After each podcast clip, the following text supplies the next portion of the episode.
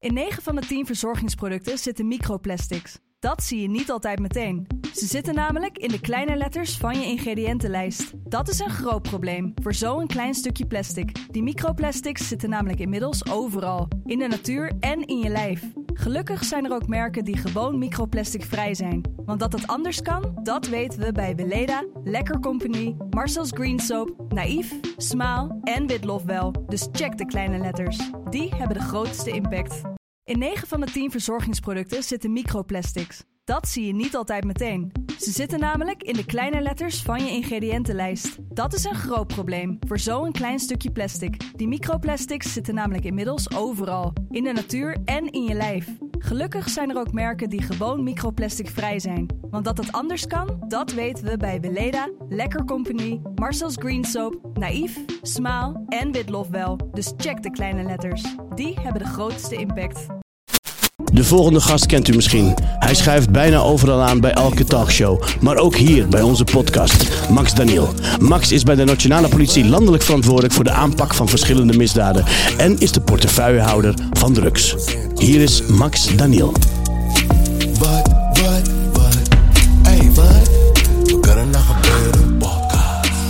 Welkom luisteraars en kijkers bij de podcast Wat kan er nou gebeuren? Ik zit hier aan tafel met mijn goede vriend Max Daniel. En natuurlijk aan de andere kant mijn sidekick, mijn compagnon Reda Saleh. Ervaringsdeskundige. Max, eh, leuk dat je er bent. Dank je. We zijn blij dat je er bent. Ehm, zou je misschien even een, eh, jezelf even kunnen voorstellen wie je bent en wat je doet? Ja, ik ben Max Daniel. Ik ben eh, 64. En ik eh, ben commissaris bij de politie. En binnen de politie heb ik de portefeuille drugs al heel lang. En daarnaast ben ik ook nog verantwoordelijk voor eh crisisorganisatie. Dus als er een crisis is in Nederland, dan heeft de politie eh, drie, vier crisiscommandanten. en ik ben een van die vier. Oké. En is dat een bepaald district of? Nee, dat ik voor heel Nederland doen we dat. Dus bij terroristische aanslagen, maar ook bijvoorbeeld alle COVID-ellende die we gehad hebben. Dan wordt alles centraal aangestuurd, ondersteund met name. Dan eh, doen we dat op eh, nationaal niveau. Ja, Voor heel Nederland. Een drukke baas ben je. Ehm, ja, ja, sommige mensen drukker. Hè? Die, eh, die hebben s'avonds allerlei optredens. Dan moet je Ja. overdag... eh, nou, ja. Ja, die ken Maar ik. Ja. het, is, het, is, het, het, het is zeker de laatste tijd erg druk. En dan komt dat drugs in de portefeuille zit met alle aandacht voor ondermijningen. Dat is, dat is hot. Na aanleiding van, van aanslagen die we hebben gehad. Nou, dat maakt het extra druk omdat er en politieke aandacht is. En je moet je eigen organisatie moet je, eh, ondersteunen. opbouwen waar nodig. Dus dat is, dat is wel dat is, dat is druk. En als er tussendoor eens een keer COVID komt. Ja. Of we hebben een migratieprobleem. Of een, een, een tramaanslag in Utrecht, om maar wat te noemen. Ja. Dan komt dat er allemaal tussendoor en dan, eh, dan is het wel druk. Of toestand in Rotterdam. eh, Ja, of de rellen. afgelopen weekend. hè, dat is vrijdag eh, op en eh, eh, maandagochtend naar huis. Zo. Dat is heel druk. En wij kennen elkaar, Reda, dat moet ik even vertellen. Ik ken Max al, denk ik, sinds 1998. Dat is lang. Acht, Ik was net klaar met het eh, Leids Cabaret Festival, wat ik heb gewonnen. Maar dat weten de luisteraars denk ik wel. En, eh, het, en toen, eh, je, moet even, je moet even horen hoe wij in contact... Hoe kwam jij bij mij, met mij in Nou, contact? even heel, ik, ik werd gevraagd door een vriend van mij om hem te ondersteunen met, met het lopen met een microfoon. In Triavium, dat is een ijshal in Nijmegen. En daar hadden ze een bijeenkomst van, dat heette toen nog Allochtone Randgroep Jongeren. En daar werd opgetreden door twee onbekende cabaretiers, comedians in, eh, in aantocht. En de ene was eh Komproe. Howard Komproe, ja, Komproe, collega van mij. Ja, oh ja. Dat vond ja. ik zo leuk. Eh, met name eh Najib was eh, toen eh, nog heel leuk, hè? Ja. Nee, hij was echt leuk. En ik had een, eh, eh, een Marokkaanse collega in Arnhem. En ik zei van, goh, het zou toch mooi zijn als wij die man kunnen krijgen om eh, eh, een brug te bouwen naar onze Marokkaanse gemeenschap. We hadden heel veel van die jonge gastjes en die hadden niks met de politie. En daarvan voelde je gewoon aan, het waren 14, 15-jarigen. Dat wordt, dat wordt trammeland. Dat is een kwestie van tijd.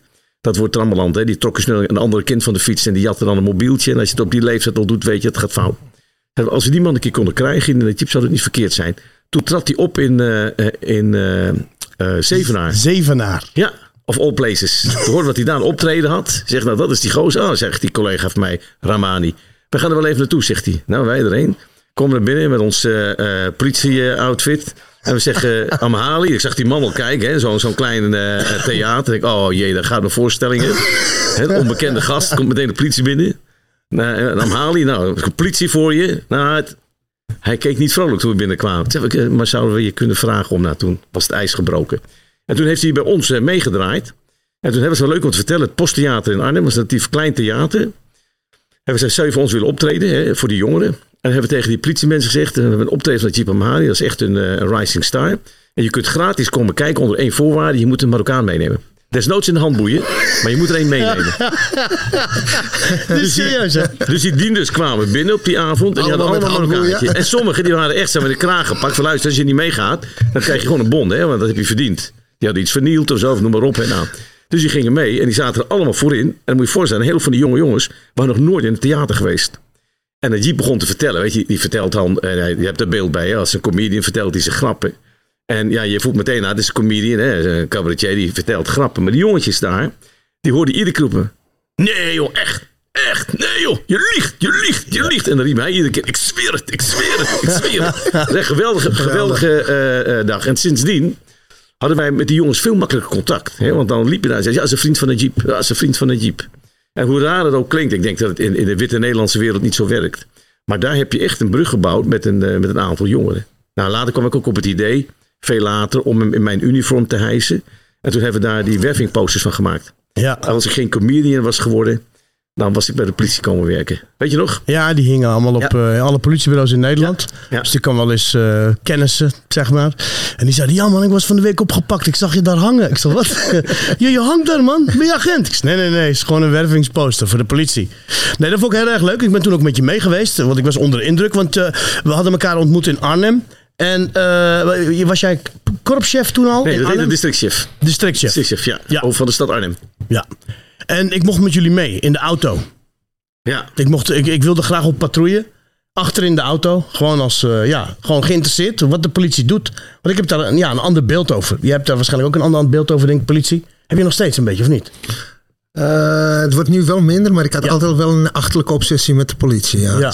ja. Een soort, paranoïde. Ja, wel paranoïde, Ja. maar dat heeft natuurlijk te maken met mijn verleden. Ja. Ja. maar dan had je iets gedaan en dan wilde je geen politie zien. Nou, zoiets. Of ik had, eh, ik wou wat doen en wou ik de politie niet zien. ja, ja. Maar wij zijn toen, dat, dat heeft wel indruk op mij gemaakt. Eh, wij zijn toen naar een gebruikersruimte geweest in, in Arnhem, in het Spijkerkwartier. En dat viel me op hoe ja, liefdevol jullie eigenlijk daar met die gebruikers omgingen. Dat, dat, ja, je zou toch zeggen, ja, het is de politie, ze gebruiken daar drugs, maar jullie lieten ze eigenlijk hun gang gaan destijds. Ja, nee, kijk, wij, wij hebben, eh, hoe raar het ook klinkt, geen probleem met gebruikers eh, als persoon, als mens. Hè. Dus, en, en, en het merendeel van de gebruikers waren destijds heroïnegebruikers. Daar had je het mee van doen. Die, Ja. waren, echt, die waren echt sneu. En het was altijd heel ingewikkeld om discussies aan te gaan met, eh, met bijvoorbeeld politici.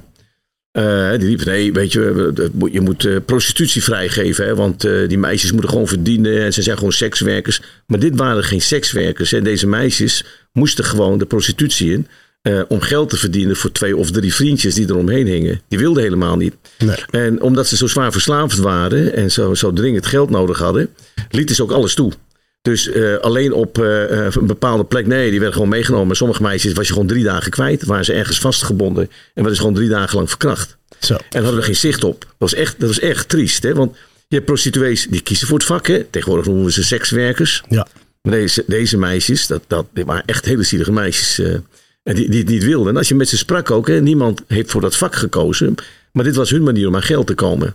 Nou, en dan hadden we natuurlijk eh, eh, onze junken. Nou, het, het, ja, het merendeel waren geen slechte mensen. Nee, ze waren verslaafd. En daardoor jatten ze je autoradio. Die, die kon je toen nog stelen. Hè. Tegenwoordig moet je de halve auto meenemen als je dat doet. Ja.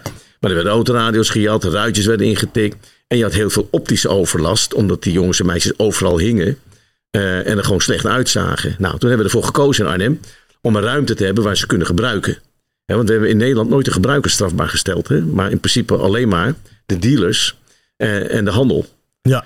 Maar goed, het ligt altijd dicht tegen elkaar. Want een aantal gebruikers kan alleen maar rondkomen met ook een beetje de dealer erbij. Want anders kunnen ze niet aan hun dagelijkse shot komen. Nou, we Ja. hebben altijd geprobeerd om te zorgen dat die mensen zo menswaardig mogelijk behandeld eh, eh, worden. Dus dat is ook zeg maar eh, de manier waarop je naar mensen kijkt. Het zijn links of rechtsom, het zijn het blijven altijd mensen. Nou, en dus als ze daar zaten, zorgen wij dat ze eten kregen. Als wij vergaderingen hadden, dan kwam de cateraar, die had dan broodjes gebracht. Nou, als de broodjes over waren, brachten we dat altijd naar, naar, naar de drugsopvang daar, waar, naar de gebruikersruimte.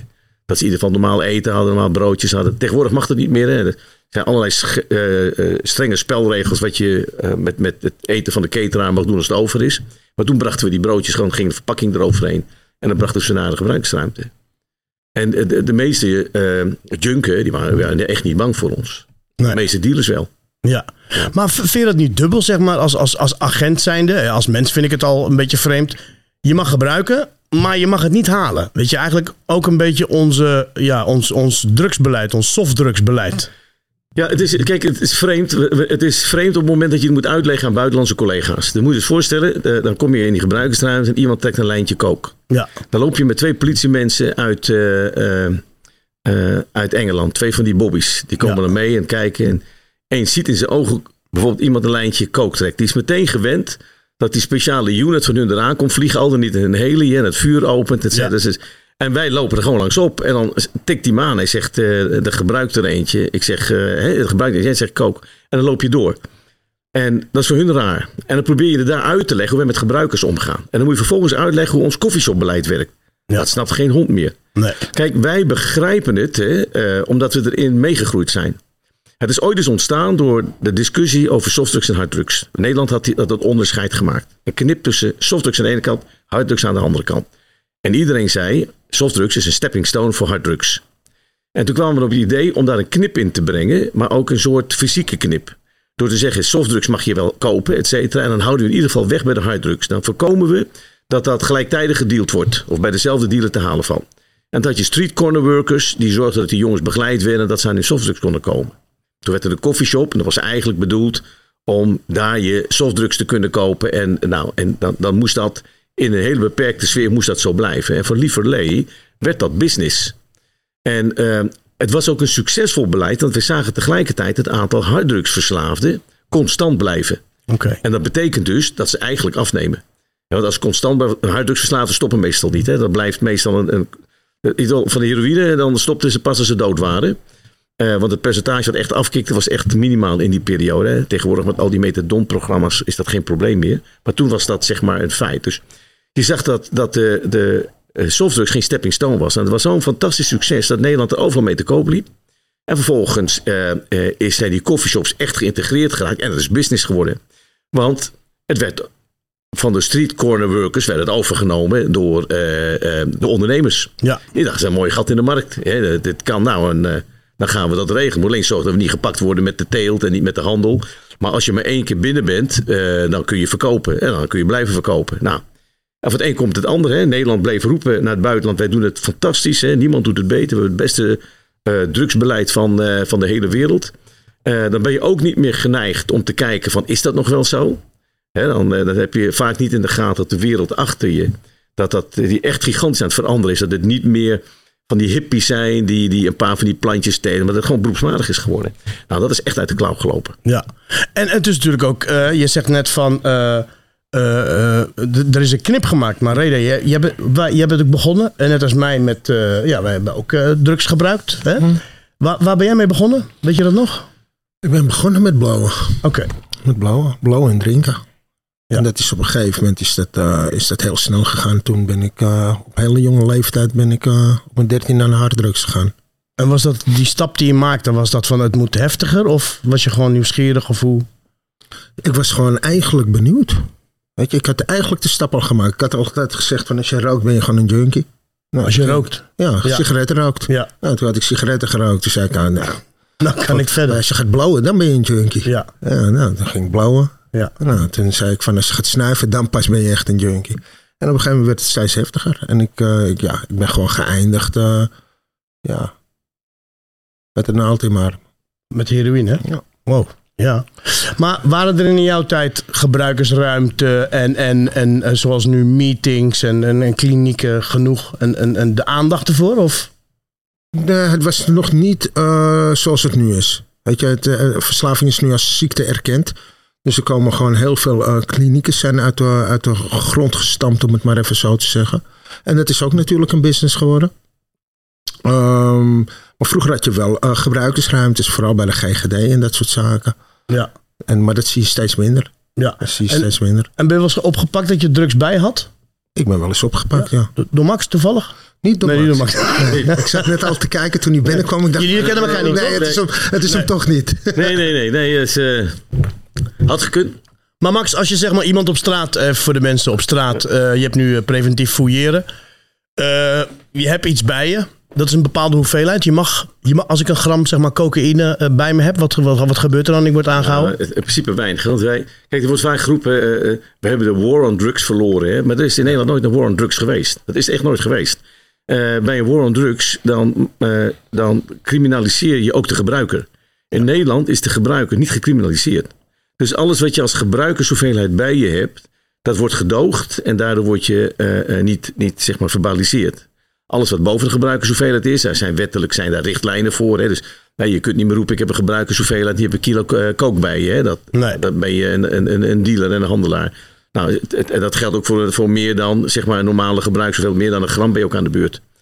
Dus daar, daar, daar zijn wel richtlijnen voor. Maar in principe laten we de gebruiker laten we met rust. Dat is ook ingewikkeld in het beleid. Ja. Dus wat je ook ziet, dat vind ik mooi van jouw verhaal. Je bent 13. Kijk, we hebben het, ik zeg net, we zijn gegroeid in dit beleid. Ik kan het uitleggen. Maar als je tegen een jongen van 12 zegt van, het is verboden, zegt ik kan niet. We hebben coffeeshops, et cetera. en Je mag gebruiken. Ik ken niemand die gebruikt. Die is ook nooit opgepakt door de politie. Leg dan maar aan een puber uit hoe dit beleid in elkaar zit. Ja. Dus je krijgt ook een soort zeg maar, v- v- verwaterd moraal bij kinderen. Dat als je tegen een, kind zegt, als ik tegen een zoon van 12 tegen mij zeg, ik wil niet dat je s'nachts naar de bioscoop gaat. En dat je het raam uitkent, dat wil ik absoluut niet. Maar als je het doet, doe het dan wel voorzichtig. Ja. Dan zeg ik eigenlijk, doe het voorzichtig. Ja. Nou, en dat zie je dus ook in het drugsbeleid. Dat heel veel kinderen zeggen van ja, het mag en we proberen. Ik zie het iedereen het doen. En eh, eh, wat is het probleem? Dus dat, dat, dat, eh, eh, dat we het normaal zijn gaan vinden. Dat het moraal echt is verdampt als het ware en verwaterd. Nou, dat is wel de oorzaak dat, dat eh, we nu bijvoorbeeld in een situatie zitten. Dat pilletjes slikken. Normaalste zaak van de wereld. Kook snuiven. Who cares? En Ja. vervolgens komen er nu middelen op de markt. Met een veel grotere impact. Waarvan we echt bang zijn dat die ook gebruikt gaan worden. Hè? En waar je dus niet makkelijk van afkomt. En Ja. doe, eh, doe je dan op crystal meth? Ik doe op twee. De dingen zijn crystal meth en ik doe op fentanyl. Ja, fentanyl, ja. Ja, Wat is fentanyl? En crystal meth. Kan iemand het Nou. uitleggen? Ik kan het uitleggen. Crys- Crystal meth is een soort amfetamine. En, eh, maar het is zo ongelooflijk sterk en verslavend. Dat je na één of twee keer gebruikt echt al hoekt bent of verslaafd bent. Oké. Eh, Even heel simpel. Als mensen ecstasy slikken op de, eh, op de zaterdagavond met een feestje. Dan ben je zondag ben je duf, maandag kun je naar je werk. Je moet wel veel water drinken. Dinsdag zit je een beetje te knarsen tanden, maar je kunt gewoon naar het werk. En je kunt vervolgens eh, de, de zaterdag erop weer losgaan. Als jij eh, zaterdag crystal meth gebruikt, dan wil je zondag weer crystal meth. En maandag ook en dinsdag ook. Dus kun je niet meer functioneren in die, in, die- in die samenleving. Dat is één. Dan heb je de heroïne, dat kent iedereen. Maar je hebt ook een, eh, een soort synthetische heroïne. En dat heet fentanyl. Fentanyl. Ja, dat noemen ze een opiaat, maar een synthetische opiaat. En dan moet je je voorstellen dat, dat eh, 1 gram fentanyl net zo sterk is als 100 gram heroïne. Zo. Ja. Nou, dus is gaan er dus de laatste tijd heel veel mensen aan de dood Ja, gaan. nou, en dan heb je ook nog carfentanyl. En 1 gram carfentanyl is net zo sterk als 100 gram fentanyl. Dus het is een factor 100 maar 100. En het ingewikkelde daarvan is dat je het natuurlijk nooit kunt gebruiken omdat het zo sterk is. Dus je moet het mixen. Ja. En dat betekent dus als je het mixt, en we zouden het hier met elkaar gebruiken, met, eh, met, met zes man, dat vijf van ons op pilletjes slikken zeggen, het doet me niks. En de zesde valt in één keer dood neer. Je kunt vergiftigd worden via je huid. Je kunt vergiftigd worden door het inademen alleen al. Hè. Eh, dat, dat kan zulk effect hebben dat de politiemensen in Amerika en in Canada al lopen met een neusspray. En die neusspray moet je meteen gebruiken als je denkt dat je in aanraking geweest bent met fentanyl. Ook als de gebruiker het heeft gehad. Omdat je namelijk anders het risico loopt dat je of beschadigd raakt of dat je doodgaat. En die neusspray moet je na de afbraakperiode eh, eh, van een x aantal uren weer gebruiken. Omdat dat fentanyl langer doorwerkt. Zelfs de drugshonden worden ermee ingespoten. Omdat ze anders doodgaan. Zo. In Amerika zijn afgelopen jaar, dus in 2020 tot nu toe, 2021 dus tot nu toe, zijn er eh, 93.000 overdosissen geweest. Voor alle duidelijkheid, dat is bijna het dubbele van het aantal mensen wat gesneuveld is in de oorlog met Vietnam. Serieus? Is dat zo'n... Dat is gigantisch. In Canada, ik ben er geweest ook, hè, sterft iedere zeven minuten een Canadees aan een overdosis fentanyl. Is dat een, is- het is zo'n populaire drugs daar aan, aan het worden? Het is namelijk een hele goedkope vorm van heroïne. Ja, maar Oké. en tegelijkertijd gigantisch risico. Nou, en methamphetamine heeft een soort gelijk effect. We hebben in Nederland weinig gebruikers van methamphetamine. Eh, dat wordt met name nu eh, geëxporteerd naar, eh, naar Australië. Maar wij zijn in Europa nu al de grootste producent van methamphetamine. Terwijl we weinig gebruikers hebben. Maar is dat zo dat dat nu even zo is? Of zie je, zie je het gebeuren dat er meer mensen dat gaan gebruiken? Want ik hoor het wel steeds meer om me heen. Dat, dat, dat, Ja. dat crystal meth echt wel in, eh, in de opkomst zit. Niet, niet zozeer als, als ecstasy en die andere. Maar het is, het, het- ik hoor het wel vaker. Vroeger hoorde ik het eh, één keer in zoveel tijd. En weet je, bij ons eh, in de kliniek horen we ook wel eh Het verhalen. gebeurt steeds vaker. Ja. Ja, kijk, wat de Mexicanen hebben gedaan in, in, in, in het gedeelte van Amerika, met name het Californische gedeelte, die hebben een, een, een soort zwakkere mix van gemaakt met gewone amfetamine. Zodat heel veel gebruikers zeiden, het is cool. Eh, Je krijgt een gigantische kick van en het is fantastisch mooi. Maar je kunt maandag gewoon weer naar je werk. Ja, omdat de dosis die erin zit bewust zo gemixt is. eh, en dat het langer duurt voordat je verslaafd raakt. Maar je raakt gewoon aan verslaafd. En als je er een keer aan verslaafd krijgt, dan wil je gewoon zeg maar aan verslaafd bent, dan wil je, wil je gewoon de, de, de, de goede shot hebben.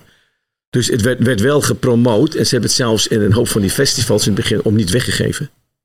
Eh, en dan nog hè, eh, zijn er maar weinigen die het verschil zien tussen een amfetamine en een methamfetamine als pilletje. Hè, want je kunt het in dezelfde. eh, nou, het- het- als je het wil maken in een lab, dus mensen bouwen een gigantisch lab, dan maken ze ecstasy. En dan zeggen ze nou, we willen van ecstasy overstappen op methamfetamine. Hè, want dat is namelijk een factor 10. Voor één ecstasy pilletje, dat kost in Nederland ongeveer 4 euro. En één pilletje, of een grammetje, eh, 4 euro. En een grammetje van het andere is 70. Dus echt een, een, een best verschil. Ja. Dan, eh, nou, dan kost het ombouwen van je laboratorium, nou, al heel gauw 100, 200 euro. Misschien wel 300 euro. En als je per dag een miljoen draait aan winst, dan vallen die 200 euro's wel weg te schrijven. Weet je, dat, dat, dat stelt geen ruk voor. We hebben alles. De, de complete hardware staat er. Het is alleen een kwestie van wat andere chemicaliën erin gooien. Je hebt een ander product. En daar zijn wij hartstikke goed in. En we hebben ook alle lijnen eh, naar, naar, naar heel Europa en Azië en, eh, en eh, Oceanië. Eh, Australië en, en Nieuw-Zeeland. Dus dat is, dat is big business. En, en het risico bestaat altijd dat het ook terugslaat in je eigen land als het gaat om de gebruikers. En, en, en, Max, weet je waar ik ook benieuwd naar ben? Hoe is dat beleid in de gevangenissen? Met, want Ja, want dat dat, dat dat, is- dat, vind ik een, Ja. weet je, dat vind ik heel interessant om het daar even over te hebben. Ik heb zelf ook in detentie gezeten. En, en het is in, in, als je kijkt naar de mensen die opgepakt worden, die drugsverslaafd zijn, die komen heel snel weer in de gevangenis terecht. Dus hoe kijk je tegen de rehabilitatie aan eh, van, van, van, Kijk, ik vind van het al, al, verslaafd zijn? al apart hè, dat je in de gevangenis eh, drugsvrije vleugels hebt. Hè? Mhm. Eh, dat, is, dat, is, dat is raar. Dus dat, dat heb ik voor zoiets van, nou, dat, is, dat, is, dat is vreemd dat je dat in de gevangenis hebt. En eh, eigenlijk eh, heeft ons, gevangen, eh, ons geva- gevangenissysteem een, een, dubbele, eh, eh, eh, een dubbel reden. Er is een dubbel doel. Het eerste is straf voor iemand die gedaan niet mag. En het tweede is eh, eh, resocialisatie. Om te zorgen dat iemand weer terug kan in die samenleving. Dat betekent als iemand straf heeft gekregen omdat hij vanuit die verslaving eh, straf verdient. En je wil hem resocialiseren, is het meest belangrijk. Je zorgt dat hij van de verslaving afkomt. Want anders weet je dat hij terugkomt. Nou, en ik weet niet, heb ik te weinig kijk op hoe goed ze daarin zijn hè, en hoe vrijwillig dat is. In dit land moet eigenlijk alles vrijwillig zijn. Hè, anders zegt mensen, ben je niet gemotiveerd, doe je er niet aan mee. Nou, er zijn andere landen waarbij eh, die vrijwilligheid er niet is en dat ook werkt. Hè, dus het is maar de keus die je maakt. Maar ja, als je daar niks aan doet, als mensen eh, geresocialiseerd worden, iets doet aan hun verslavingsproblematiek, dan is de kans heel groot dat ze weer eh, op het ja, zeker weten. Dus, Ja. dus je hebt ook wel het gevoel dat daar Dat is winst halen. Nou, dat is winst te halen, ja. ja. Ja, zeker weten. Want het, is, het is gewoon ontzettend zonde. Hè? Als iemand gewoon ziek is en die heeft zijn drugs gewoon nodig en die maakt de eh, verkeerde keuzes, dat hij elke keer maar weer in de gevangenis terechtkomt. En het is ja, een vicieuze cirkel waar hij niet uitkomt. En dat heb ik wel heel erg veel gezien eh, om Ja. me heen. Ja. Ook voor de jongens om me heen die gebruiken. Dus ik denk dat, we, dat er heel veel te halen valt voor, eh, ja, voor, voor gevangenen. Om weer een normale manier van leven te vinden. Maar dan moeten ze wel geholpen worden. Ja, zeker, zeker. En, en ja, ja, ik, dat, dat, het, dat is in Nederland al heel ingewikkeld om te vertellen wat is nou goede hulp en hoe doe je dat. Hè? Dus ik zou het niet weten. Hè? Ik zou echt met experts moeten kijken. Maar wij zien wel dat het een soort draaideur is. Hè? Ik, Mensen gaan de gevangenis in, komen er, eh, eh, komen er, vaak komen ze er heel goed uit. Hè? Dan, Ik ken jongens en die, die is ge- geen knip voor de neus waard eh, als je ze op straat tegenkomt. Worden opgepakt, gaan twee jaar de bak in, komen terug. Dat zijn halve Schwarzeneggers geworden. Goed eten, getraind en, en en dan, eh, en dan ben je hartstikke trots dat je ze weer ziet. Hè? Nou, en, en dan zeggen ze, me- meestal beambten, hè? eh, het, het nooit meer. En goed, kijk eens hoe ik eruit zie. En ik blijf dit volhouden. En ik heb een vriendinnetje, et cetera. En een jaar later, dan, dan zie je weer dat het bergafwaarts gaat. Ik, heb, ik, ik heb wat dat betreft, ken ik wel een paar. Wa- Was dat bij jou ook zo? Dat je eruit kwam en Ja, dacht van... ik, ik dacht dat ik gek werd binnen, weet je, omdat Ja? je gewoon alles weer eh, gaat voelen. Je gaat alles weer voelen. Weet je, ik was al die tijd verdoofd geweest. Ik keek echt in de spiegel en ik denk, wie ben jij? Alles kwam terug. De onzekerheid, eh, de angsten kwamen terug. En toen dacht ik van, wauw, ik heb het ook niet lang volgehouden. Ik ben gewoon eh, uiteindelijk weer in de gevangenis gaan gebruiken. Ja, want het, het komt gewoon binnen natuurlijk in de gevangenis. Hè? Het komt via verschillende... Dat ook, dat ook. Maar ik ben ook, ehm, weet je, ik ben ook naar die, naar die programma's gegaan in de, in de gevangenis. Maar dat was voor mij gewoon papa en nat houden. Vandaar dat ik net dat onderwerp aansnijd. Ik denk dat daar toch wel heel veel te halen valt. Ik denk dat het ook maatschappelijk een heel groot probleem is. Om, eh, om dat niet, eh, ja, niet die kant op te kijken. Want dat gevoel heb ik wel, dat die kant niet echt opgekeken wordt. Kijk, iemand die, die delicten heeft gepleegd ja, en verslaafd is. En natuurlijk heeft hij straf nodig. Maar het blijft een mens een mens met, met, met, met een dodelijke ziekte, met een leuke fase. Verslaving Ja, is... kijk, kijk, en zo kijken de meeste politiemensen aan tegen die verslaafden. Die vanuit die verslavingen criminaliteit plegen. Hè? Dat, er, eh, dat er een soort dwang achter zit. Eh, eh, omdat ze ziek zijn. Ze doen het omdat ze ziek zijn. En eh, niet omdat ze slecht zijn. Nee. Want wat ik vertelde over die, die, die meisjes die zich prostitueren. Die doen het niet omdat ze zeg maar, het leuk vinden om een prostituee te zijn. Maar omdat ze ziek zijn. En als je er daar op die manier naar kijkt. Dan kun je als mens kun je daar oprecht meelij mee hebben. In plaats van boosheid of, of, of verwijten, et cetera. Dan kun je er meelij mee hebben. Natuurlijk kun je ze verwijten dat ze ooit verslaafd zijn geraakt. Maar heel vaak achter al die verslaafden zit een verhaal. En, en, eh, en dan, te- te- weet je, dan te, te weinig moedermelk, de kleine schoentjes en zo, weet je, dat heb ik wel gehad. Maar achter ieder verslaafde zit een verhaal. Het zijn allemaal mensen. En het merendeel van die mensen zijn geen slechterikken, maar die zijn ziek. Dat is wat je zegt. En dat vind ik het mooie in Nederland, hè, dat we er op die manier naar kijken. En dat we, niet naar, eh, dat we ze ook niet beschouwen als slecht. En proberen om die op een, op een of andere manier weer gezond te krijgen. Nou, Dat is vreselijk moeilijk als mensen verslaafd zijn, dat weet ik. Hè. Want dus, eh, om daar überhaupt van af te komen, daar heb je veel meer voor nodig dan eh, alleen maar de wil. Hè. Ook heel veel hulp. Nou. Maar het zijn, niet, het zijn geen slechte mensen. Dus het, het zijn de, de, de mensen die ze verslaafd maken, die ze verslaafd houden. De mensen die eraan verdienen. De mensen die echt het verdienmodel in de vingers hebben. Die, die, eh, die het geen bal interesseert. eh, eh, of iemand eraan doodgaat. Kijk nou bijvoorbeeld naar de NPS'en, de nieuwe synthetische drugs. Je maakt pilletjes, je wil weten hoe het werkt. Dan gooi je het op internet, zo goed als gratis. Laat je het al die kindertjes uitproberen. Gaan de kinderen aan dood. Nou, dan weet je dat het niet goed is. Moet je een andere mengsel nemen. En eh, vinden de kindertjes het lekker. En, eh, en niemand gaat dan dood. Denk ik, nou, ik heb een nieuw pilletje. En dan gooi ik het eh, tienvoudige gooi, ik erop. En dan ga ik het verkopen. Weet je, dat zijn mensen die, die, die, die, die zeg maar, die deugen van gemeen. Dat zijn de slechterikken. Maar zou je dan niet eerst denken van, we gaan eerst die mensen behandelen en daarna hun straf uitzetten? Ja, misschien wel. Ja, kijk, het, ik, ik ben van de repressie. Hè, dus dus ik, ik zie maar één gedeelte van, eh, van die keten. Dus ik zou het niet weten. Hè. Ik, en ik ga ook niet op de stoel van die verslavingszorg zitten. Maar eh, dat daar je winst te halen valt voor die doelgroep. Ja, dat je mensen weer een kans geeft, zeker jonge mensen. Om eh, alsnog een leven te hebben, een leven weer op te kunnen pakken. Ik heb ze ook gezien die, die, eh, eh, eh, die het leven nooit meer hebben gekregen. Ik ken heel veel junken die, die ook overleden zijn. Hè. Vermoord. Eh, een van die meisjes, hè, dat, ergelijk verkracht en daarna vermoord. Een moord die we nooit hebben opgelost in Arnhem, om wat te noemen. Maar ook anderen die stierven aan een overdosis of zelfmoord hebben gepleegd. Hè, omdat ze in de spiegel keken en er niet meer aankonden. Ja, als je zegt, wat zou de beste oplossing zijn? Eerst hulp en dan eh, de straf uitzetten. Of omgekeerd, ik zou het niet weten. Maar, maar dat daar winst te halen eh, valt, ja zeker. En het is een beladen, beladen onderwerp. Het is al vaker aangesneden. Maar er is nog nooit iets echt naar boven gekomen van, hey, we moeten dit gaan veranderen. Ja, weet je, weet, daar kan, ik natuurlijk moeilijk wat van zeggen. Het is, maar het, het punt namelijk is ook dat we in Nederland heel veel aandacht hebben voor de discussie van wat, wat eh, sommige politieke partijen noemen eh, recht op roest. We hebben er recht op, recht op roest. En wie, wie is de overheid om ons dat te verbieden? En wij maken zelf wel uit wat we doen. We drinken ook en we roken ook. En gaan ons nou niet lopen te koeieneren. En eh, het moet gelegaliseerd worden. En dat zien we in dat land gebeuren en in dit land. En overal gebeurt het in. Maar niemand heeft het meer over de vraag: waarom is het eigenlijk verboden? Waarom hebben we het verboden? Om, om mensen te pesten? Hè? Of zit er nog een andere gedachte achter? Nou, en als je je daarin verdiept, denk je, oh ja, we hebben het ook een keer verboden omdat het heel gevaarlijk is. Omdat je het niet mag gebruiken. Weet je, ik, ik snap nog steeds niet dat er mensen zijn die zeggen van, goh, ik laat me niet vaccineren, maar ik snuif wel kook. En dan zeggen ze, ja, de kans als ik me vaccineer dan eh, eens op de zoveel miljoen, maar je zal het maar eens zijn. Maar kan je, uit, eh, kan je vertellen hoe groot de kans is dat je ziek wordt van het gebruik van kook. Vele malen groter. Net als met sigaretten. Dus dat, dat zie ik ook bij, eh, eh, eh, bij, bij, bij verdovende middelen. We, praten nooit meer over waarom is het middel ooit verboden geweest. Waarom vinden we eigenlijk dat je het niet moet gebruiken? En dan komt iedereen met het verhaal van alcohol. Maar ik weet zeker, als we nu nooit alcohol hadden gedronken en alcohol kwam vandaag op de markt, dan hadden we het niet mogen gebruiken omdat het gevaarlijk is. Ja. Hey, en het is ook zo, tenminste, of het lijkt alleen maar zo, dat er gewoon heel veel in deze tijd. Eh, in de haven bijvoorbeeld wordt opgepakt. Hè? Jullie, jullie, jullie, eh, de, de politie heeft heel veel eh, kunnen onderscheppen. Is dat, is, dat een, is, dat een, is dat wat wij zien of is er veel meer aan de hand nu in deze tijd? Ja, maar kijk, wat wij, wat wij onderscheppen als overheid, eigenlijk bij, bij het gebied van alle drugs, is maar een klein gedeelte van wat er werkelijk binnenkomt. Hè. Wij, wij pakken gigantisch, ik dacht dit jaar al zoiets van 75.000 ton of zo. Hè. Eh, 75, ja, 75 ton.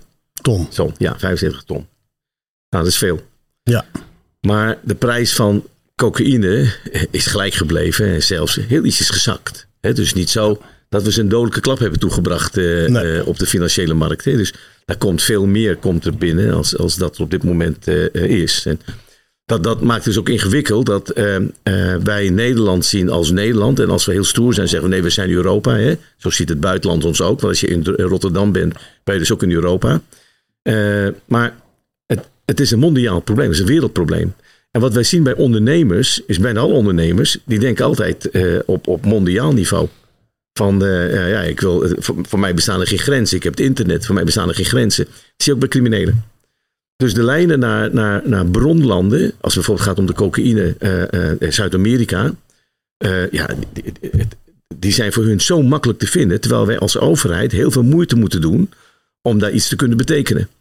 Hè, het, voordat ik informatie mag uitwisselen met bepaalde landen, nou moet eerst een aantal convenanten moeten er rondkomen. En landen waar de doodstraf geldt, daar mag ik al helemaal niks. Nou ja, in die landen moet je zaken gaan doen, want dan weet je dat de politie zeg maar eh, niks vertelt. Hè. Ik weet dat er een grote container met, met heel veel eh, eh, ecstasy naar een land gaat met de doodstraf. En dat die boot net is vertrokken. En het liefst zou ik willen bellen naar dat land, naar de politie daar en zeggen: Nou, er komt dan een boot aan. En in die container zit voor meer dan nou, de, zoveel miljoen aan ecstasy. Maar ik weet dat degene die het ophaalt drie maanden later dood is. En als we dat weten, omdat er de doodstraf geldt, mogen we die informatie niet delen. Wauw. Maar dat weet je ook echt. Dit is een Dat echt verhaal. echt, dat is echt, dat is echt verhaal. Het is gewoon Dus er is een- nu echt een boot onderweg ergens? Met heel veel ecstasy erin. En wij mogen dus het land zelf, omdat daar de doodstraf geldt. hè, We hebben daar geen convenant mee. hè. Wij vinden dat wij niet mo- moeten meewerken in landen waar de doodstraf geldt. Dat weten die slechterik ook. En net als ieder ondernemer denk je nou voor risico's. Waar loop ik het meeste risico's? Waar loop ik het minste risico's? En daar, eh, waar verdien ik het meeste geld?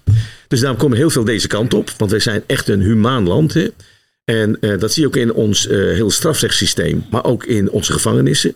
Onze gevangenissen, hoe je het ook bekijkt, vergeleken met andere landen, zijn goed geregeld. Hè? En eh, Ja. nou, je, hebt zelf, eh, je hebt er zelf ook in bezoek gebracht. Dus je weet hoe het eruit ziet. Vergelijken met andere landen. Nou, dus heel veel criminelen zeggen van nou, in Nederland is het redelijk goed vertoeven. Ze doen niet ingewikkeld over drugs. Ze, ze- je, je wordt niet meteen naar de hoogste boom gehangen zolang je maar niemand doodmaakt. Eh, want dan, dat vinden ze wel vervelend. Hè? Eh, En voor de, rest, ja, voor de rest mag je een hoop in Nederland. Ja. Nou, dus we zijn heel aantrekkelijk voor criminelen om hier hun werk te doen. Ook voor onze Nederlandse criminelen. En ben je één keer in Nederland, ben je in Europa. En we hebben hier alles. Onze infrastructuur deugt, ons internet eh, deugt. eh, nou. Dus ons klimaat is in alle opzichten, eh behalve voor mensen die de zon zoeken, is het een heel gunstig klimaat. Maar moeten wij daar dan niet iets aan doen? Wat zeg jij, Reda? Is, is, heb je zoiets van, moeten we dit strenger aanpakken? Want kijk, wij, wij allebei weten als de ervaringsdeskundigen wat, drugs, wat drugsmisbruik met je kan doen. Ja, En- weet je, en- kijk, ik, ik vind het heel erg moeilijk om daar uitspraken over te doen. Eh, Ik, ik vind gewoon, eh, ja, ik, ik houd zelf gewoon bij ja, mensen die, die, die doodgaan aan verslaving. Dat vind ik gewoon erg. Dat is waar ik me op focus. Weet je, en eh, ja, dat zijn, dat zijn jonge mensen. Het loopt nu totaal uit de hand met, met hele heftige drugs. Dus ja, ik, ik heb daar niet echt een antwoord op. Weet je, ik ben, ja, hoe raar dat ook klinkt, niet tegen genotsmiddelen, hoe ze dat ook noemen, genotsmiddelen, maar wel het misbruik ervan. Je, ik weet wat het met mij heeft gedaan, ik weet wat het met mijn gezin heeft gedaan, ik weet wat het eh, met mijn familie heeft gedaan.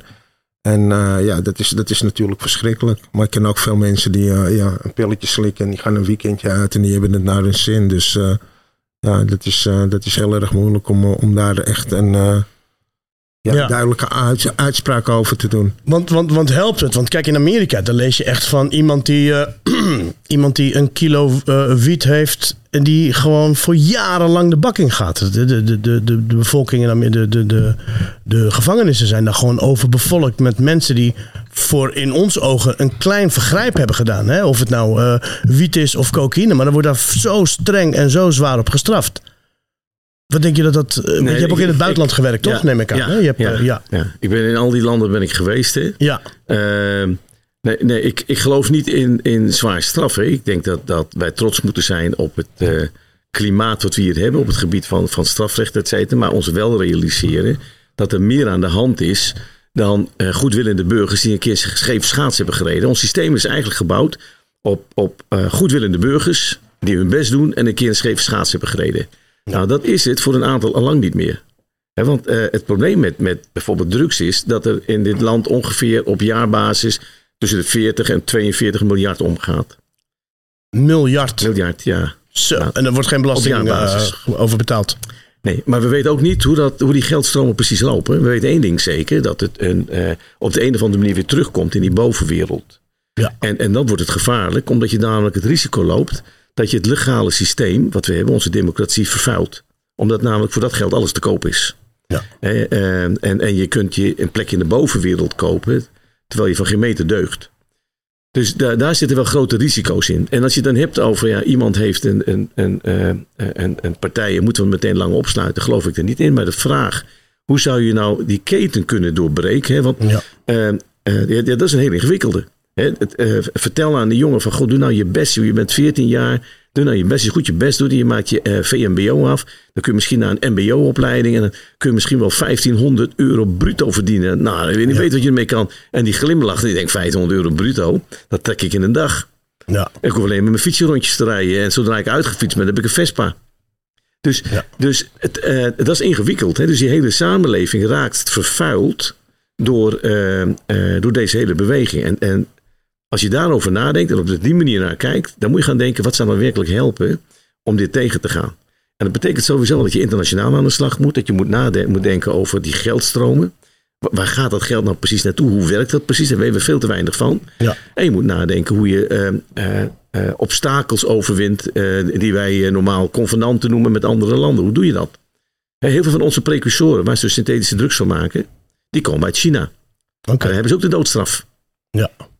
En dat is ook heel ingewikkeld om daarmee samen te werken. Nou, dat, dus dat, dat, daar bemoeilijkt het ons. En wat, waar wij zoveel mogelijk, wat wij zo heel mogelijk proberen is, kunnen we aan de bron komen. Dat noemen we in een, in een eh, ingewikkeld woord upstream disruption. Hè? Dus gaan aan de bovenkant zitten, gaan niet in de haven in Rotterdam zitten. Gaan ergens op de plekken zitten waar het vandaan komt. Nou, en dat, dat probeer je, maar goed, dat is natuurlijk heel ingewikkeld. Hè? We zijn maar Nederland. Hè? Kijk, Amerika heeft natuurlijk veel meer slagkracht. Wij zijn maar Nederland. We moeten proberen om eh, met partners een plek te vinden om het goed te doen. Maar meer straffen en harde straffen, ja, weet je, daar ben ik niet van. Ik geloof niet zozeer in de harde straffen. Nee. En in al die landen waar je bent geweest, is daar een, een land bij waarvan je denkt van, nou, dat komt echt in de buurt hoe wij dat hier ook zouden kunnen doen of verbeteren? Nou, ik ben eh, eh, vlak voor de corona, dat het corona toesloeg, hè, dus dat is aan eind eh, eh, 2019, ben ik in Canada geweest. Maar in Canada hebben ze de cannabis vrijgegeven. Dus ze Oké. hebben overal eh, eh, van die eh, cannabiswinkels geopend. En het zijn gewoon coffeeshops of? Nee, joh, dat, dat lijkt een beetje op een Apple Store. Oh, serieus? Schitterend mooi.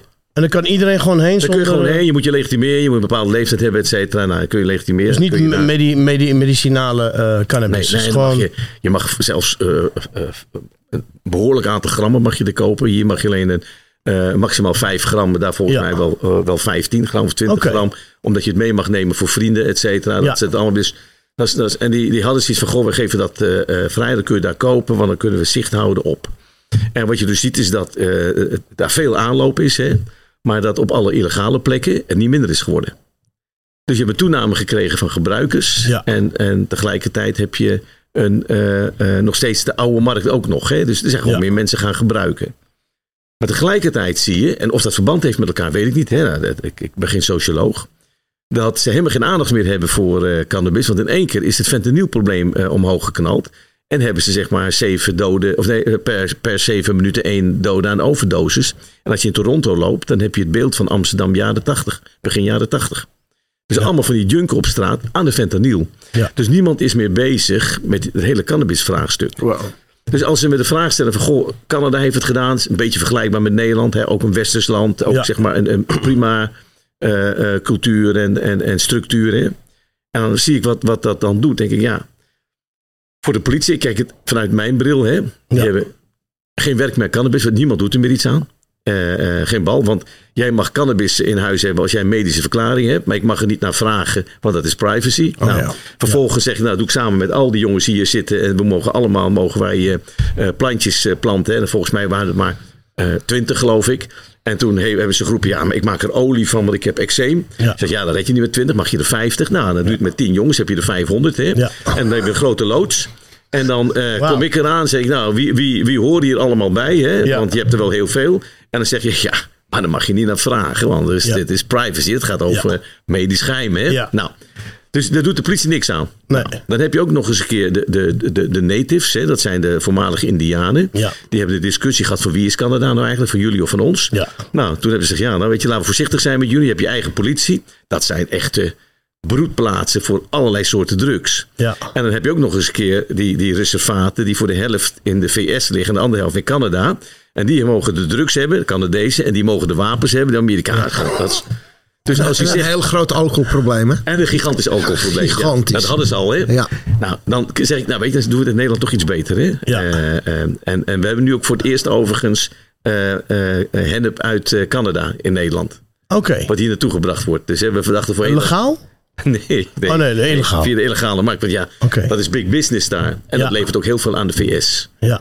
Nou, dus en er zijn de politieke partijen die roepen, ze hebben het hartstikke goed gedaan. Hè? En die denken iedere keer als de politie erheen gaat, roepen we alleen maar niet doen, niet doen, niet doen. Hè? Maar als het echt beter zou zijn en het zou ons minder werk kosten. En we zouden daarmee criminelen het leven zuur maken. Dan zouden, zullen we de eerste zijn als de politie zegt, doen. Moet je gewoon doen. Ja. Ja, Er ging iets af hier. eh. ja. Ja, Nee, voor- kom- voor de luisteraars. eh. Ja, Ja. er- er ligt Herken, herken jij dit? Dit is namelijk speciaal voor jou. We gaan er zo drie af laten horen. Dan moet jij raden. hey, maar stel, hè, we hebben het nu even over wiet. Nederland wiet. We zijn allemaal, tenminste wij, niet, ik, niet allemaal. Niet iedereen begint met wiet. Niet iedereen gebruikt wiet. Dat moet ik even, even, even erbij zeggen. Maar dat was voor mij heel spannend. Maar stel, in Nederland mag ik vijf plantjes, hè? Ik mag... Nee, oh niet meer? Nee, nooit. Oh. Heeft nooit- heeft nooit gemogen. Oh. Oh. Ik dacht dat ik had vijf plantjes mocht hebben thuis. Nee, nee, Oeps, jongens. Nee. Oké, ik, ik heb ze niet, maar stel. Oké, stel ik begin, ik, ik heb een schuurtje en dan gooi ik 100 plantjes in. En ehm, ik, ik, ik, ik verdien er lekker aan. Maar ineens, ik word, eh, de, de buren die beginnen te klagen. De politie komt. En ik denk bij mezelf dan, ja, wat kan er nou gebeuren? Wat kan er nou gebeuren? Behalve dat die plantjes in, in beslag worden genomen. Nou, eerst je eerste opmerking, vijf plantjes. Je mag in Nederland mag je nul planten. Nul planten. Alleen er is een gedoogbeleid dat als je eh, eh, vijf of minder planten hebt, dat je eh, niet verbaliseerd wordt. Ah, ik krijg geen bon. Ja, ja, je kunt vergelijken met de gebruikershoeveelheid. Ja. Weet je, dus dan, dan krijg je geen bon. Heel veel mensen roepen, je mag vijf plantjes hebben. Nou, Ja. Wij bekeuren bijvoorbeeld, als je te hard rijdt in de stad, bij 55 plus. Dus Ja. als je boven de 55 rijdt, dan krijg je een bekeuring. Ja. hè? Eh, 55 echte kilometers. Hoe hard mag je in Nederland rijden? 50 in de stad, in de Ja. bebouwde kom. Ja. Niet 55. Nee. Dus als mensen roepen, je mag in Nederland 55 km per uur rijden, zegt nee, dat is niet waar. Je mag 50 rijden. Alleen als jij 55 rijdt en niet harder, is de kans op een bekeuring is nihil. Want er Ja. zijn die apparaten op afgesteld. Nou. Het is hetzelfde met die vijf, eh, met, met die vijf plantjes eh, eh, criterium. Je mag dus nul planten hebben, formeel. Oké. Heb je er 100 planten en, en, en je, en- en je verdient er een leuke boterham aan. Hè? Overigens zijn dat geen arme mensen die 100 plantjes hebben. Nee. De inrichting alleen al kost ongeveer zo'n 7.500 euro. Dus Zo. iemand die echt op zoek is naar geld en niks heeft, kan geen plantage bouwen. Daar heb je het geld niet voor. Nee. Dus je moet ergens aankloppen en zeggen: kun je voor mij een plantage bouwen? En dan delen we de winst. Ja. Nou, en, en die bedrijfjes die zijn er. Hè? We noemen dat criminele organisaties. Oké. En die zetten het Zo voor je heet neer. die. Ja.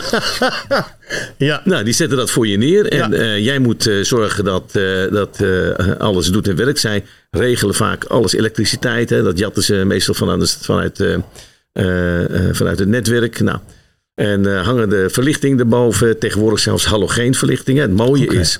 nee, geen halogeen, sorry, maar ledverlichting. En het mooie is dat dat LED eigenlijk geen groeilicht geeft. En dat is helemaal ontwikkeld voor het groeilicht. Hè. Daar hebben grote elekt- eh, lampenbedrijven hebben daar aan meegewerkt. Hè, om te zorgen dat we dat konden krijgen voor de, eh, voor de tomatenteelt in principe. Ja. Hè, dat de meeste boeren roepen nog steeds dat het goedkoopste op zonlicht. Maar zij zeggen nee, we hebben het voor hun gemaakt. Stel dat de zon niet meer schijnt. Nou, dat wordt dus veel gebruikt in eh, donkere ruimtes. waar ze niet zoveel energie willen betalen. Dus, of dat Ja. hennenplantages. En dan word je gepakt. En de meeste mensen die dat hebben, hebben een huurwoning. Als je namelijk een koopwoning hebt, heb je ellende. Ja. Want dan valt het wat makkelijker van je terug te vorderen. Hè. Dan kunnen ze zeggen, nou, je hebt, ik kan wel zeggen, je hebt een ton verdiend. Nou, je huis, dat is drie ton waard. Leggen we beslag op je huis. Nou, dat, als je een huurwoning hebt, kan het niet. Maar wat ze tegenwoordig doen, ze zetten je dus uit je woning. Dus Oké. dat is regelgeving voordat een woningcorporatie uit je woning mag zetten. Dat is één. Tweede is, als wij kunnen aantonen hoeveel winst je hebt gemaakt. En dat kan, hè, dat doen we op verschillende manieren, er zijn modules voor. Dan heb je ook eens een keer een restschuld aan je broek hangen. En dan kunnen ze wel zeggen van een kale kip valt niet te plukken. Want meestal plaatsen het bij kale kippen. Hè. Dat valt niet te plukken. Ja. Maar het betekent wel dat je huis kwijt bent. En dat- en in een aantal gevallen, en veel gevallen, zijn het ook eens een keer gezinnetjes. Ja. En dan sta je echt op straat. Hè? Dan moet je bij moeders of bij oma wonen. En als je een gemeente hebt wat nog een beetje coulant is, dan dumpen ze je ergens op een camping. Maar je bent gewoon je woning kwijt. Eh, en en, en eh, weet je, dat is vaak voor mensen de hardste straf. En vaak is het ook hartverscheurend. Omdat het vaak van die, eh, ja, ik wil bijna zeggen zielepieten zijn. Eh, eh, die denken van, nou weet je, het is makkelijk verdiend, laat ik het maar doen. Niemand tilt te zwaar aan. En dan zit er zo'n stoere jongen boven je nek te hijgen van, regel allemaal voor je, et cetera. Maar ja, die strijken het geld op, maar je loopt niet het risico. Nee. Dus het risico is um, een boete, als het goed is. Tenminste. Ja, vaak wel. In het begin waren we nog erg mild mee. Hè? Kreeg je een taakstraf. Maar ja, je, bent altijd, Ja. je gaat altijd je woning uit. Oké. Als het een huurwoning is, ga je je woning uit. Als het een koopwoning is, is dat het eerste waar ze een, eh, een vordering op leggen. En vroeger was dat niet zo, hè? Nee, nee, we waren er veel te, veel te mild mee. Omdat het beeld bestond dat het arme mensen waren die met hun laatste spaarcentjes nog probeerden wat plantjes te kweken. Is dat zo? Het is, ja, dat beeld bestond, maar het is super professioneel. Ik ben eigenlijk in de laatste twintig jaar nergens meer een plantage tegengekomen waar ik, waar ik zeg van, wat een amateur. Nou, dus, dus het zijn eigenlijk allemaal echte professionele plantages. Ja. En aan de andere kant, hè, als jij eh, eh, eh, wat geld bij elkaar schraapt, je zet echt een professionele plantage, je kunt flink wat kilo's zelf kweken, hè, zonder dat je criminele organisaties daarbij nodig hebt, is de volgende vraag, maar wat verkoop je dan? Hoe Ja. krijg je het kwijt? Het is hetzelfde als dat je de hele dag met korte mouwen loopt met een dikke Rolex in een, in een buurt waar je beroofd kunt worden. Ja, Dat is hetzelfde zeg maar als jij, hè, zet vanavond maar op Marktplaats neer eh, eh, dat jij eh, 25 eh, kilo eh hezen eh, hebt liggen die je te koop aanbiedt. Nou, de kans groot dat je de volgende dag Alles kwijt door, bent. ja, nou ja, eh, eh, door duct tape je ontbijt naar binnen moet werken. Ja. De duct tape, ja. Ja. ja. Wauw, dus eh, ja, nee, ik, ik, ik, ik, ik zou er niet eens aan beginnen. Maar ehm, je hebt natuurlijk ook ehm, vele, vele ehm, eh, plantages gezien. Wat is nou voor jou dat je denkt van, nou, dat vond ik toch wel heel erg slim gedaan of zo? Nou, wat, het, het, het, eh, het slimste dat ik gezien heb, zeg maar, eh, eh, en wat ik denk van hoe is het mogelijk dat niemand dat gemerkt heeft, is dat iemand eh, een aantal C-containers, C-containers? C-containers, dat zijn joekels van dingen, Ja. eh, uit mijn hoofd waren het er geloof ik vier. Nou weet je, je kunt een compleet gezin onderbrengen in één C-container. Onder de grond heeft eh, geplaatst, aan elkaar heeft eh, eh, vastgemaakt. En er is onder de grond eh, een hennenplantage gemaakt. Dus je, je kwam in de stal, want dat had ook een manege. Je kwam in de stal. En er waren hooibalen. Als je de hooibalen wegdeed, was er een luik. Als je het luik opende, ging je met de trap naar beneden. En dan kwam je in een lange gang onder de grond. Nou, ik, weet niet of je weet hoe groot zo'n C-container is. hè. Je ziet die wagens wel eens rijden. En dan, en 40 dan, meter? Nee, het- 30? ja, maar vier achter elkaar. Zo uit mijn hoofd. Helemaal met elektriciteit. Helemaal verlicht. Zag er geweldig uit van binnen. Ja. Ook goed geïsoleerd natuurlijk. Het onder Ja. de grond. Eh, maar dan heb ik zoiets van... Goh, weet je, dat doe je niet op een zondagmiddag met je schoonvader. Je zegt, goh, Nee. laten we eens even zeven, eh, vier C-containers ingraven. Nee. Dat doe je niet. Dus dat moet gigantische hoeveelheid grond moeten verzet zijn. Die containers moeten daar ingehangen zijn met, met, met een kraan. Dat kan niet anders. Hè. Die dingen zijn loodzwaar. En dan nog eens een keer vastgelast worden aan elkaar onder de grond. Hè. Want dat moet nog eens een beetje waterdicht zijn. Maar je wil niet dat bij de eerste beste regenbui iedereen verzuipt en al die plantjes naar de Filistijnen gaan. Ja. Zo professioneel gemaakt. En eh, niet te zien. Alleen ja, er was ergens toch nog wel een afvoer. Want er moet even lucht uit. Eh, eh, en dat was het enige waar, waar je het aan zou kunnen ontdekken. En wij hebben het ontdekt omdat er grote partijen vanuit die omgeving werden verkocht. Nou, zo zijn we daar terecht gekomen. Dat was zo ingenieus gemaakt. Dat is dat heeft jarenlang heeft hij daar Ja, van gemaakt. het is natuurlijk heel ingewikkeld voor ons aan- om aan te tonen Ja. hoe lang het gedraaid heeft. Hè? Dus we kunnen Ja. wel aantonen iets langer dan. eh, het gaat om het aantal oogsten. Dus je berekent het aantal plantjes en het Ja. aantal oogsten. En dan heb je dus een bedrag wat je kunt, eh, kunt vorderen. Dan hebben we in Nederland echt een mooi systeem. Waarbij dus de, degene die gepakt wordt kan zeggen: ja, nee, wat, ik heb nog onkosten gemaakt. C-containers, hartstikke Oh ja? duur, hartstikke duur. Alle materialen, et cetera. En dat trek, je van het, dat trek je van het bedrag af wat je, wat je voor de kiezer krijgt. Maar ben je nou serieus? Ik ben hartstikke serieus. In België lukt je dat niet. Nee. Dan zeggen ze, dat is de jammer. Je krijgt gewoon de volle map. En in Nederland hebben we zeggen, wat, wij, wat wij ook hebben bij de Belastingdienst. Dat we Ja. zeggen, nee, dit heb ik wel verdiend, maar ik heb ook onkosten gemaakt. Dat je dat ook kunt doen als je gepakt wordt. Dan haal je dat van, je, eh, van het zeg maar, criminele bedrag, hè, wat je Ja. terug moet betalen, haal je daarvan af. Dus als ik zeg van nou, ik heb eh, camera's moeten installeren, Ja. ik heb twee Ja. waakhonden moeten hebben, ik heb een, eh, een- securitybedrijf eh, s s'nachts rond. Dat laatste weet ik niet, hè, maar al, al het materiaal en zo, dat uh, roept mensen aan. En, eh, En de lampen, ik heb de lampen gekocht. moeten kopen, et cetera. Ja, ja, En dat weet iedereen net. ja, ja, dat is ons systeem. Dat is, eh, ja, ja, de dat- politie weet dat. Ja, wij- wij- iedereen weet dat. Ik bedoel, het, het, eh, wij, wij weten allemaal dat als jij aftrekposten hebt voor de Belastingdienst, dat je minder belasting betaalt. Ja. Nou, eh, je zij betalen op die manier minder boete. Jezus. Ja. Die wist ik niet. Die Wij leren wel dingen. Wij leren wel dingen hier. Mooi land. Ja, ehm, Max, ik ben ook met jou geweest naar een eh, centrum bij, eh, op Schiphol. Hoe heet dat centrum daar? De uithaal? Nee? 100% controle. 100% controle, ja. Die hebben we daar gedaan, hè? Ja. Dan mocht ik meekijken. Want het, het, het, heb ik het over de cocaïne, maar natuurlijk over de andere smokkelwaar, maar nu even over, over cocaïne. Komt ook gewoon binnen in, in, in rugzakken. In, in, eh, ook bij mensen eh, eh, binnen, bolletjeslikkers, ja. in Ja, alles. Wat ja. is het meest vreemde wat je hebt meegemaakt en gezien? Het- we hebben een keer meegemaakt van een, een hond die meekwam. En die was zogenaamd ziek. Maar die hond had dus gewoon de buik opengesneden en dat gewoon vol met bolletjes gestopt. In de hond? In de hond, ja. En die hond leefde nog? Of? Ja, die leefde nog, ja. ja. Wauw. Gewoon in, dat, dat, dat, dat, was wel, eh, dat was wel naar. Nou, en het meest vreselijke om te zien is als een bolletje knapt in een mens. Ja. Dan, dan, dan wil je dat niet weten. Als zo'n hoeveelheid cocaïne in één keer vrijkomt in je maag. Wat dat met, met iemand doet. Dat is, Is dat gelijk dood? Is dat gelijk, ja? Is het, eh, Weet je, je hebt gewoon behoefte om het einde aan dat leven te maken. Zo erg. En, en, en daar is geen medicijn. Je kunt het ze nergens mee verdoven. Omdat de kracht van die cocaïne, van die cocaïne zo sterk schijnt te zijn. Dat dat niet, niet werkt. Die mensen moeten dus gewoon sterven aan, de, eh, aan die overdosis die ze krijgen. En dat is een ongelooflijke pijnlijke dood. Zeg je nou, Max, dat, dat je het eigenlijk eerder wil beëindigen? Ja, je hebt echt de behoefte van, ik, die zou ik uit zijn lijden willen helpen. Wauw. Je staat erbij en een arts die haalt ook zijn schouders op. Ik kan hier niks aan doen. Hè? Dus eh, gooi een deken overheen, help. Zodat ze zich niet En is eh, dat een epileptische aanval of zo? Ja, Of wat- en met stuipen. Het is naar om te zien.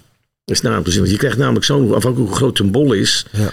Die, die knapt. En weet je, dat zijn allemaal mules. Hè? We noemen dat muilezels. Mensen die, die echt, echt niks te verliezen hebben.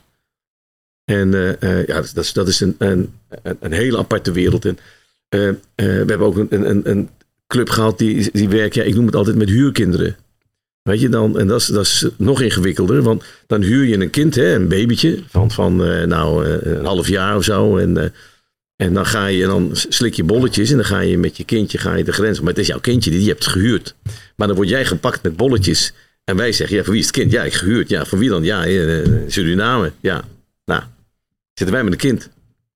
En wat doen jullie dan? Ja, heel gedoe. Ja, politie in Suriname. Ja, je- wat moet je met het kind? Niemand weet wie het kind is. Jij is jouw kind. Nee, is mijn kind niet. Nee, dat heb ik gehuurd. Ik doe alsof het mijn kind is om de pakkans zo klein mogelijk te maken.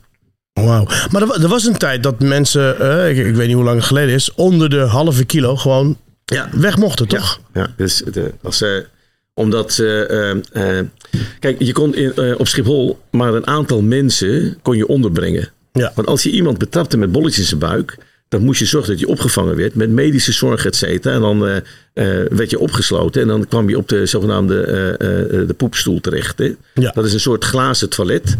En dan, eh, eh, dan moet je ontlasting doen en dan eh, komen al die bolletjes eruit. En er zit een heel eh, eh, ingenieus eh, bolwerk zit erachter, letterlijk en figuurlijk. En dat spoelt al die bolletjes gewoon. En op een gegeven moment rollen ze dat uit. Het stinkt nog steeds naar stront, hè, vond ik. Hè. Mensen zeggen het is helemaal schoon en Ja. het stinkt gewoon naar stront. Ja. Als het eruit komt, en dan worden daar die bollen geteld, et cetera, en in beslag genomen.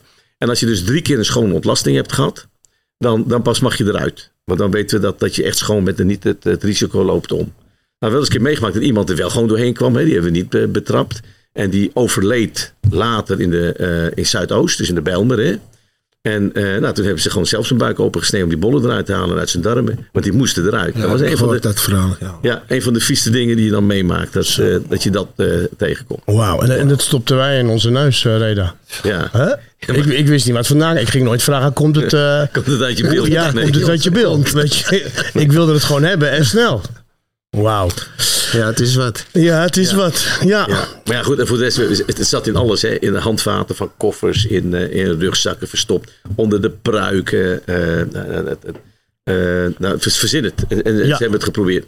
En hoe zit het met, wat het, wat- dat lees je ook steeds vaker, dat ze het in kleding stoppen. Ja, dat heet het wassen van cocaïne. Ja. Nou, je hebt het met, het, het- met een bepaalde chemische procedure kun je zorgen dat het opgezogen wordt in kleding op een dusdanige manier dat het niet te detecteren valt. Of heel moeilijk te detecteren. Of in kool. Dat ze ook in houtskool. Oké. Dat op dezelfde manier erin verdwijnt. En dan vinden wij het niet, tenzij je weet dat het erin zit. En dan kun je met een omgekeerde techniek, omgekeerd als hoe je het erin hebt gekregen met chemicaliën, kun je het eruit halen. Dat is, dat is eh, eh, vaak eh, een soort geheim van degene die het erin gestopt heeft. Die weet ook hoe je het eruit moet halen. Oké. En daarmee loop je veel minder risico's. Want ja, er wordt veel minder gecontroleerd als er een container binnenkomt met allemaal houtskool. eh, of met kleding. eh, en, niks reageert erop. Alleen dan moet je daarna uitwassen. Dat uitwassen is een heel gevaarlijk eh, proces. Dat, dat, moet je, dat moet je kunnen en beheersen. Hè? En er komen echt hele brandbare giftige stoffen bij vrij. En daar zijn behoorlijk wat ongelukken mee gebeurd. Maar dat zie je dus ook heel vaak. Dat je, omdat het gewoon minder risico's met zich meebrengt. Alleen je kunt ook minder smokkelen. Maar goed, de winst blijft nog steeds wel interessant.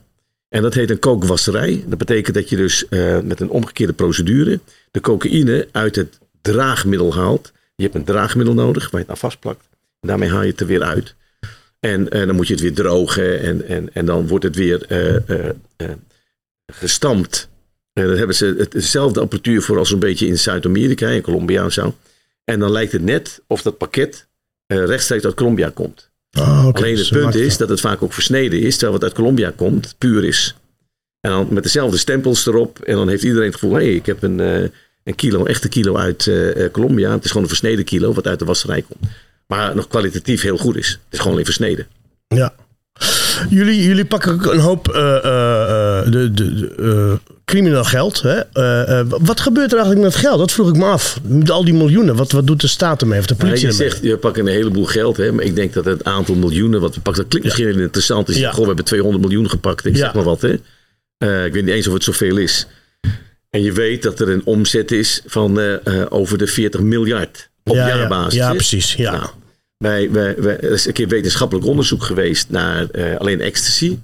En daar kwamen ze met de berekeningen uit op minimaal 18,9 miljard op jaarbasis. Nou, stel, stel dat wij eh, eh, 500 miljoen in beslag nemen. Nou, dat gaat van de staatskist. Daar, daar verdwijnt het weer in. Hè. Eh, er wordt, wordt geconfiskeerd, daar komt het terecht. Maar weet je, die, dat staat niet in de verhouding met elkaar. Oké. Nou, dus als, we, we brengen ze ook geen echte dodelijke slagen toe als het gaat om, eh, om financiële klappen. Maar ja, daar zou wel je winst zitten als je in staat bent om veel slimmer het geld te confisceren. Maar ja, dat is, dat is, dat is een ingewikkeld verhaal met al de crypto-ellende die we hebben. Ja, ik noem het ellende en voor anderen is het te zegen. Ja. Nou, dat is, dat is ingewikkeld. Of zijn we daar heel druk mee bezig. Hè? En, en, en worden hele slimme dingen verzonnen. Eh, het, het, ze lachen wel eens een keer om de Nederlandse politie. Maar wij zijn een van de weinige politieorganisaties die al die cryptotelefoons hebben kunnen eh, eh, ontcijferen. Is dat, is dat een Nederlandse... Ja, ja, het is een Nederlandse politie Oké. geweest. Ja, ja. ja. Dus dat hebben wij, het hebben we hier on- ontdekt. Dus de, de, de halve wereld is hier geweest. Om niet alleen maar informatie te halen. Volgens mij hebben we ongeveer aan geheime telefoontjes en appjes. misschien wel een miljard liggen aan aantallen. Zo. En, en echt interessant voor de hele wereld. En wat we ook hebben gedaan met de FBI en nog een paar andere landen. Dat was ook een leuk verhaal. Hè? Daar hebben wij cryptotelefoontjes zelf gemaakt. Dus we hebben echt eh, Oh. eh, eh, groepen die vallen niet te kraken. Ja, en die hebben ja, volgens... ja, Ja, dat dat verhaal. eigenlijk Ja. net vragen over. Ja. Dat er niet een eh, vooropgezet ja, plan precies. was. Die Ja. hebben we verkocht aan de criminelen.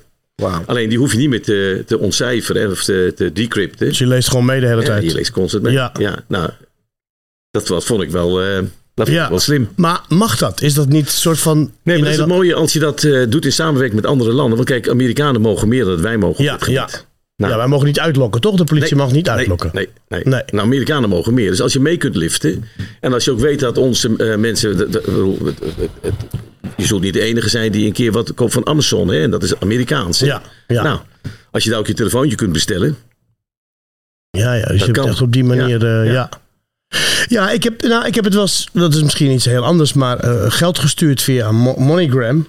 Dat werd op een gegeven moment gewoon heel lang tegengehouden. Omdat het gewoon ook, denk ik, gecontroleerd werd. Ja, we hebben een Toch? aantal systemen in, eh, in Nederland. Maar dan- moet je echt bij onze financieel deskundigen zijn. Die dan eh, kunnen detecteren wanneer er ongebruikelijke transacties plaatsvinden. Ja, En, en dat wordt wel eh, eh, op de een of andere manier wordt dat wel in beeld gebracht. ja, En eh, we hebben bijvoorbeeld een afdeling, dat heet het FIU, Financial Intelligence Unit. Wat zicht houdt op dat soort transacties en samenwerking heeft met, met alle financiële instellingen die, die er zo'n beetje zijn. Nou, dat is echt een specialisme op zich. Daar heb ik echt de, de, de ballen verstand van. Ik ben echt blij dat ik ons huishoudboekje een beetje rond. Ja.